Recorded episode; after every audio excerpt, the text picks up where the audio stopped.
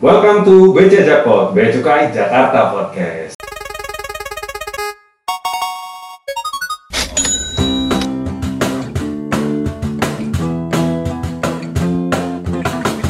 Hari ini kita mau ngomongin tentang cukai nih, para BC Jackpoters di mana pun kalian berada. Selamat pagi, mungkin kalau kalian dengerin pagi, siang kalau siang, kalau sore juga selamat sore.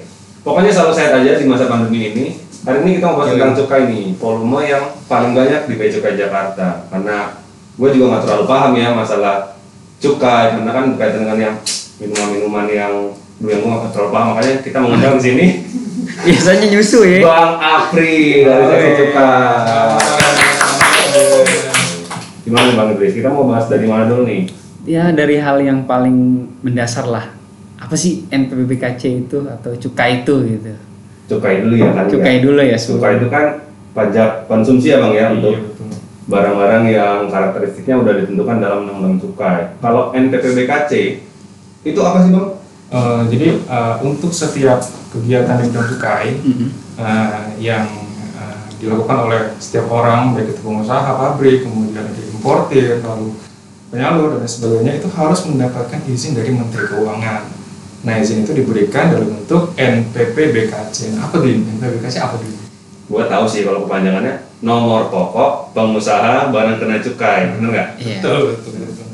Apa aja tuh? Barang kena cukai itu apa aja? Barang kena cukai apa? barang kena cukai itu gua tahu ada tiga. Yang pertama itu hasil tembakau. Kalau yang kita temuin di pasaran itu kayak macam-macam rokok, Ah. cerutu atau mungkin kalau yang agak-agak retro gitu kan tembakau iris, ya kan, Yes. dilinting, ya kan. Oh, iya, oh jadi ngerti ya. Terus minuman mengandung etil alkohol, Ya, betul kan? betul. Nah ini nggak perlu nggak perlu gua jelasin panjang lebar ntar sama Ahli. sang master. Terus yang ketiga?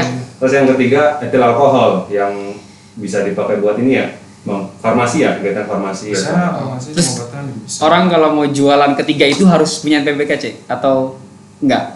Kalau mau jualan rokok, mau jualan minuman, mau jualan etil alkohol harus punya NPWBKC. Mari kita tanyakan pada. Iya, Gimana? jadi Gimana seperti- tuh Bang? Ya, jadi seperti yang saya katakan tadi, setiap orang pengusaha yang bergerak di lingkup eh, usaha yang di bidang cukai Hmm. itu harus memiliki NPWBKC. Nah, jadi buat teman-teman nih sekarang banyak nih ya pengusaha-pengusaha kaum kaum milenial itu harus melek dengan yang namanya peraturan. Jadi Oke. tidak bisa dia mendirikan eh, begitu saja perusahaannya tanpa harus mendapatkan izin dari instansi terkait. Gitu, Mas. Nah, gitu.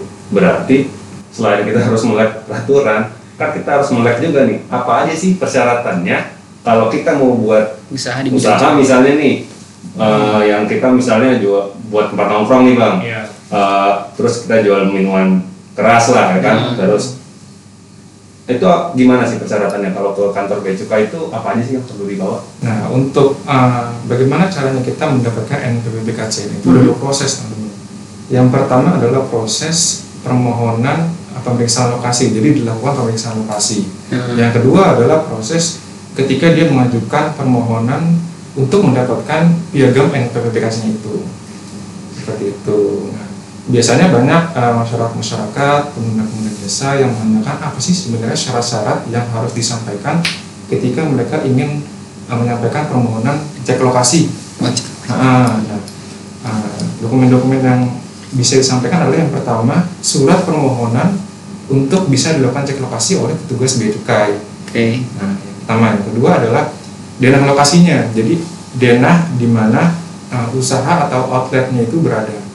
Nah itu uh, bisa dari screen capture ketika mereka membuka Google Maps, nah itu bisa disampaikan ke kita. Yang kedua adalah, uh, yang tiga adalah layout ruangannya. Ya, layout di dalam ruangannya yang menggambarkan outletnya berada di mana, kemudian gudang penyimpanan BKC-nya itu berada di mana. Nah itu harus disampaikan. Jadi kalau misalnya nih Mas Dimas dan nah Mas Idris, misalkan ketika Mas itu mendapatkan um, undangan pernikahan, nah di situ biasanya ada denah lokasi tuh. Oh iya. Nah, dan dan Oh, iya. contoh-contohnya itu, nah bisa dijadikan sebagai contoh untuk membuat layout ruangan. Ini bang Opi kayak kode-kode nih ada denah pernikahan. cincin ada nggak bang cincin? Aduh. Berarti lumayan simpel ya. Terus ada ini nggak sih eh, apa ya? Dan selain- syarat dokumennya apa Iya, gitu? syarat dokumennya. Ah, yang Selain- perlu disampaikan Selain itu, pengguna jasa atau pengusaha-pengusaha harus menyampaikan SIUPMB, surat izin usaha perdagangan minuman beralkohol. Jadi Oh. perlu dipahami bahwa eh, ketika pengusaha mendapatkan NPWKC itu tidak mengurangi kewajiban pengusaha untuk bisa mendapatkan izin juga dari instansi terkait. Contohnya tadi, ketika ada pengusaha pabrik atau pengusaha penyalur misalnya Hmm. Hmm. ingin melakukan NPWKC harus juga mendapatkan izin dari Kementerian Perdagangan berupa SIUPMB tadi. Oh, Seperti iya. itu. kalau NIB-nya itu gimana kan sebelumnya terkait NIB itu gimana Nah, NIB itu bisa didapatkan uh, oleh pengguna jasa ketika dia uh, mengakses yang namanya situs OSS. oh Nah, oke di situ dia bisa uh, melakukan proses pembuatan NIB.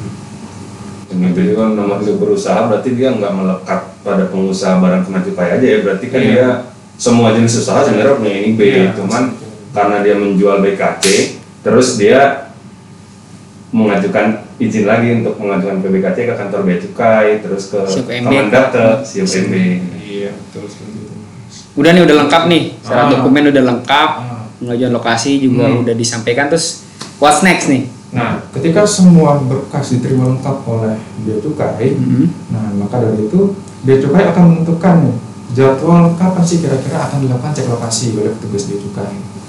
Nah, ketika sudah dilakukan, nah, ketika sudah ditentukan jadwalnya kapan, nah kemudian petugas Bea Cukai akan menyampaikan kewajiban-kewajiban apa saja sih yang di uh, perlu dibuat atau perlu disusun oleh pengusaha-pengusaha tadi misalnya Hmm. Wah ternyata ada yang namanya pencatatan dan pembukuan. Nah, hal itu penting bagi pengusaha untuk juga penting ya bagi pengusaha untuk misalnya mereka ingin scale up bisnis mereka ke beberapa cabang itu penting. Seperti Oke. mereka membuat yang namanya laporan transaksi keuangan, kemudian membuat laporan laba rugi. Nah, itulah yang nantinya akan menjadi data proyeksi mereka untuk bisa mengekspansi perusahaan Hmm. lebih uh, luas lagi seperti itu. Nah, uh, dokumen-dokumen itulah yang diperlukan bagi petugas bea cukai juga untuk mengecek uh, pencatatan dan pembukuan yang dilakukan oleh pengusaha-pengusaha tadi. Selain itu, ada juga yang namanya sediaan barang kena cukai. Nah, itu data-datanya biasanya berisi uh, berapa pemasukannya, kemudian berapa produksinya, berapa pengeluarannya, seperti Hmm. itu. Gitu, Mas. oke tapi Kira-kira. ini itu kalau NPWBKC dia cuman yang menjual minuman alkohol aja atau yang jual hasil tembakau juga atau gimana sih? atau vape liquid Nah, itu juga. Jadi itu termasuk BKC tadi yang disebutkan oleh Mas Dimas. Ada hasil tembakau, ada hasil tembakau lain yang saat ini sedang tren ya.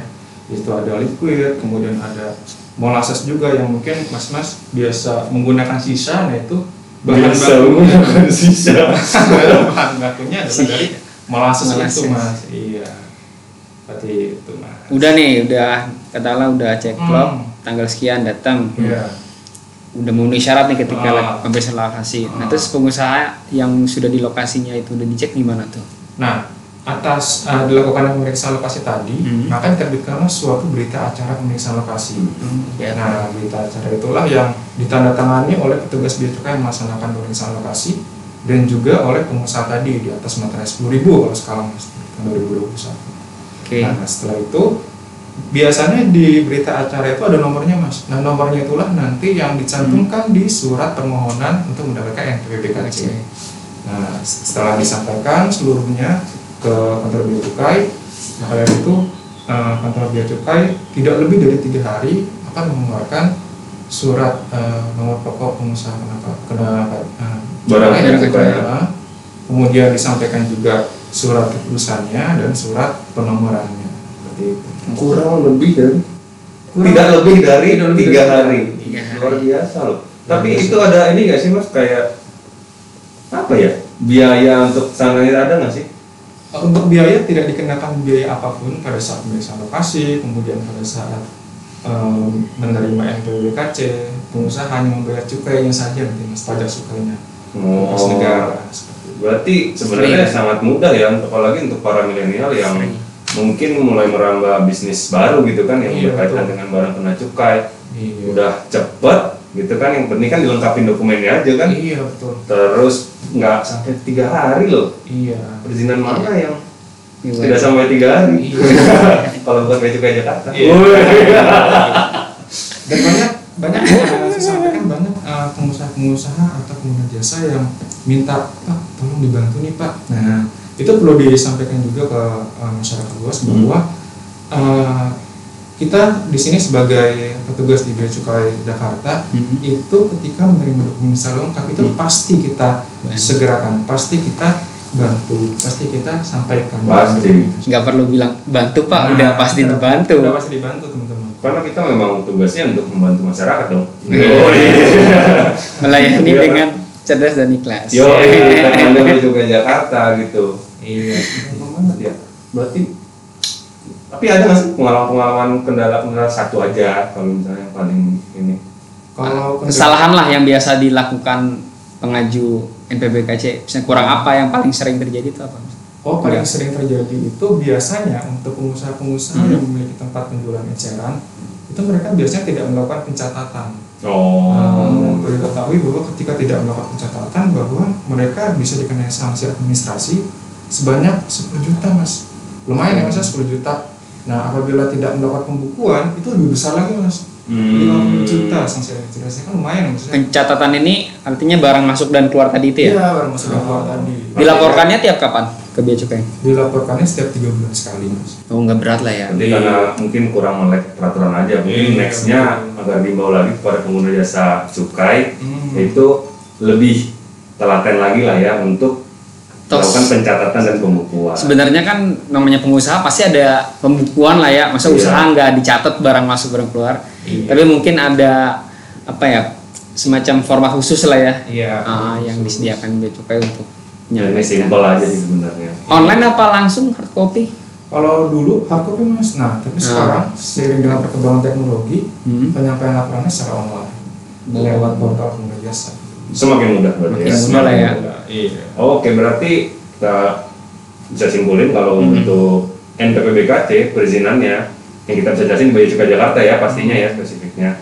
Itu sangat mudah ya teman-teman. Ke- Kemudian nggak usah khawatir ada biaya atau apa. Nggak perlu khawatir juga nggak bakal dibantu karena petugas di Bea Cukai Jakarta ataupun di Bea Cukai mana pun pasti berkomitmen untuk membantu masyarakat. free Free dong. tanpa Free. pungutan biaya apa pun. kita free agent berarti ya Berarti kalau Ya. Bea Cukai Jakarta punya komitmen seperti ini, Cukai yang lain kan juga tuh iya keren nggak sih? keren lah Keren lah. Keren lah, masa- Masa enggak? Oke, jadi buat teman-teman yang mungkin masih bingung bisa datang ke Bea Cukai Jakarta nanti bisa ketemu dengan petugas Bea Cukai Jakarta di sini atau kalau mungkin yang belum punya waktu belum sempat bisa akses di mana nih? Iya bisa akses di link gg.gg slash cukai Jakarta. Gitu. Aku ulangin lagi ya gg.gg slash cukai Jakarta. Nah, nanti kita tekan lagi sekali lagi nih. Hmm. Pelayanan itu free bersama Mas Apri. Iya.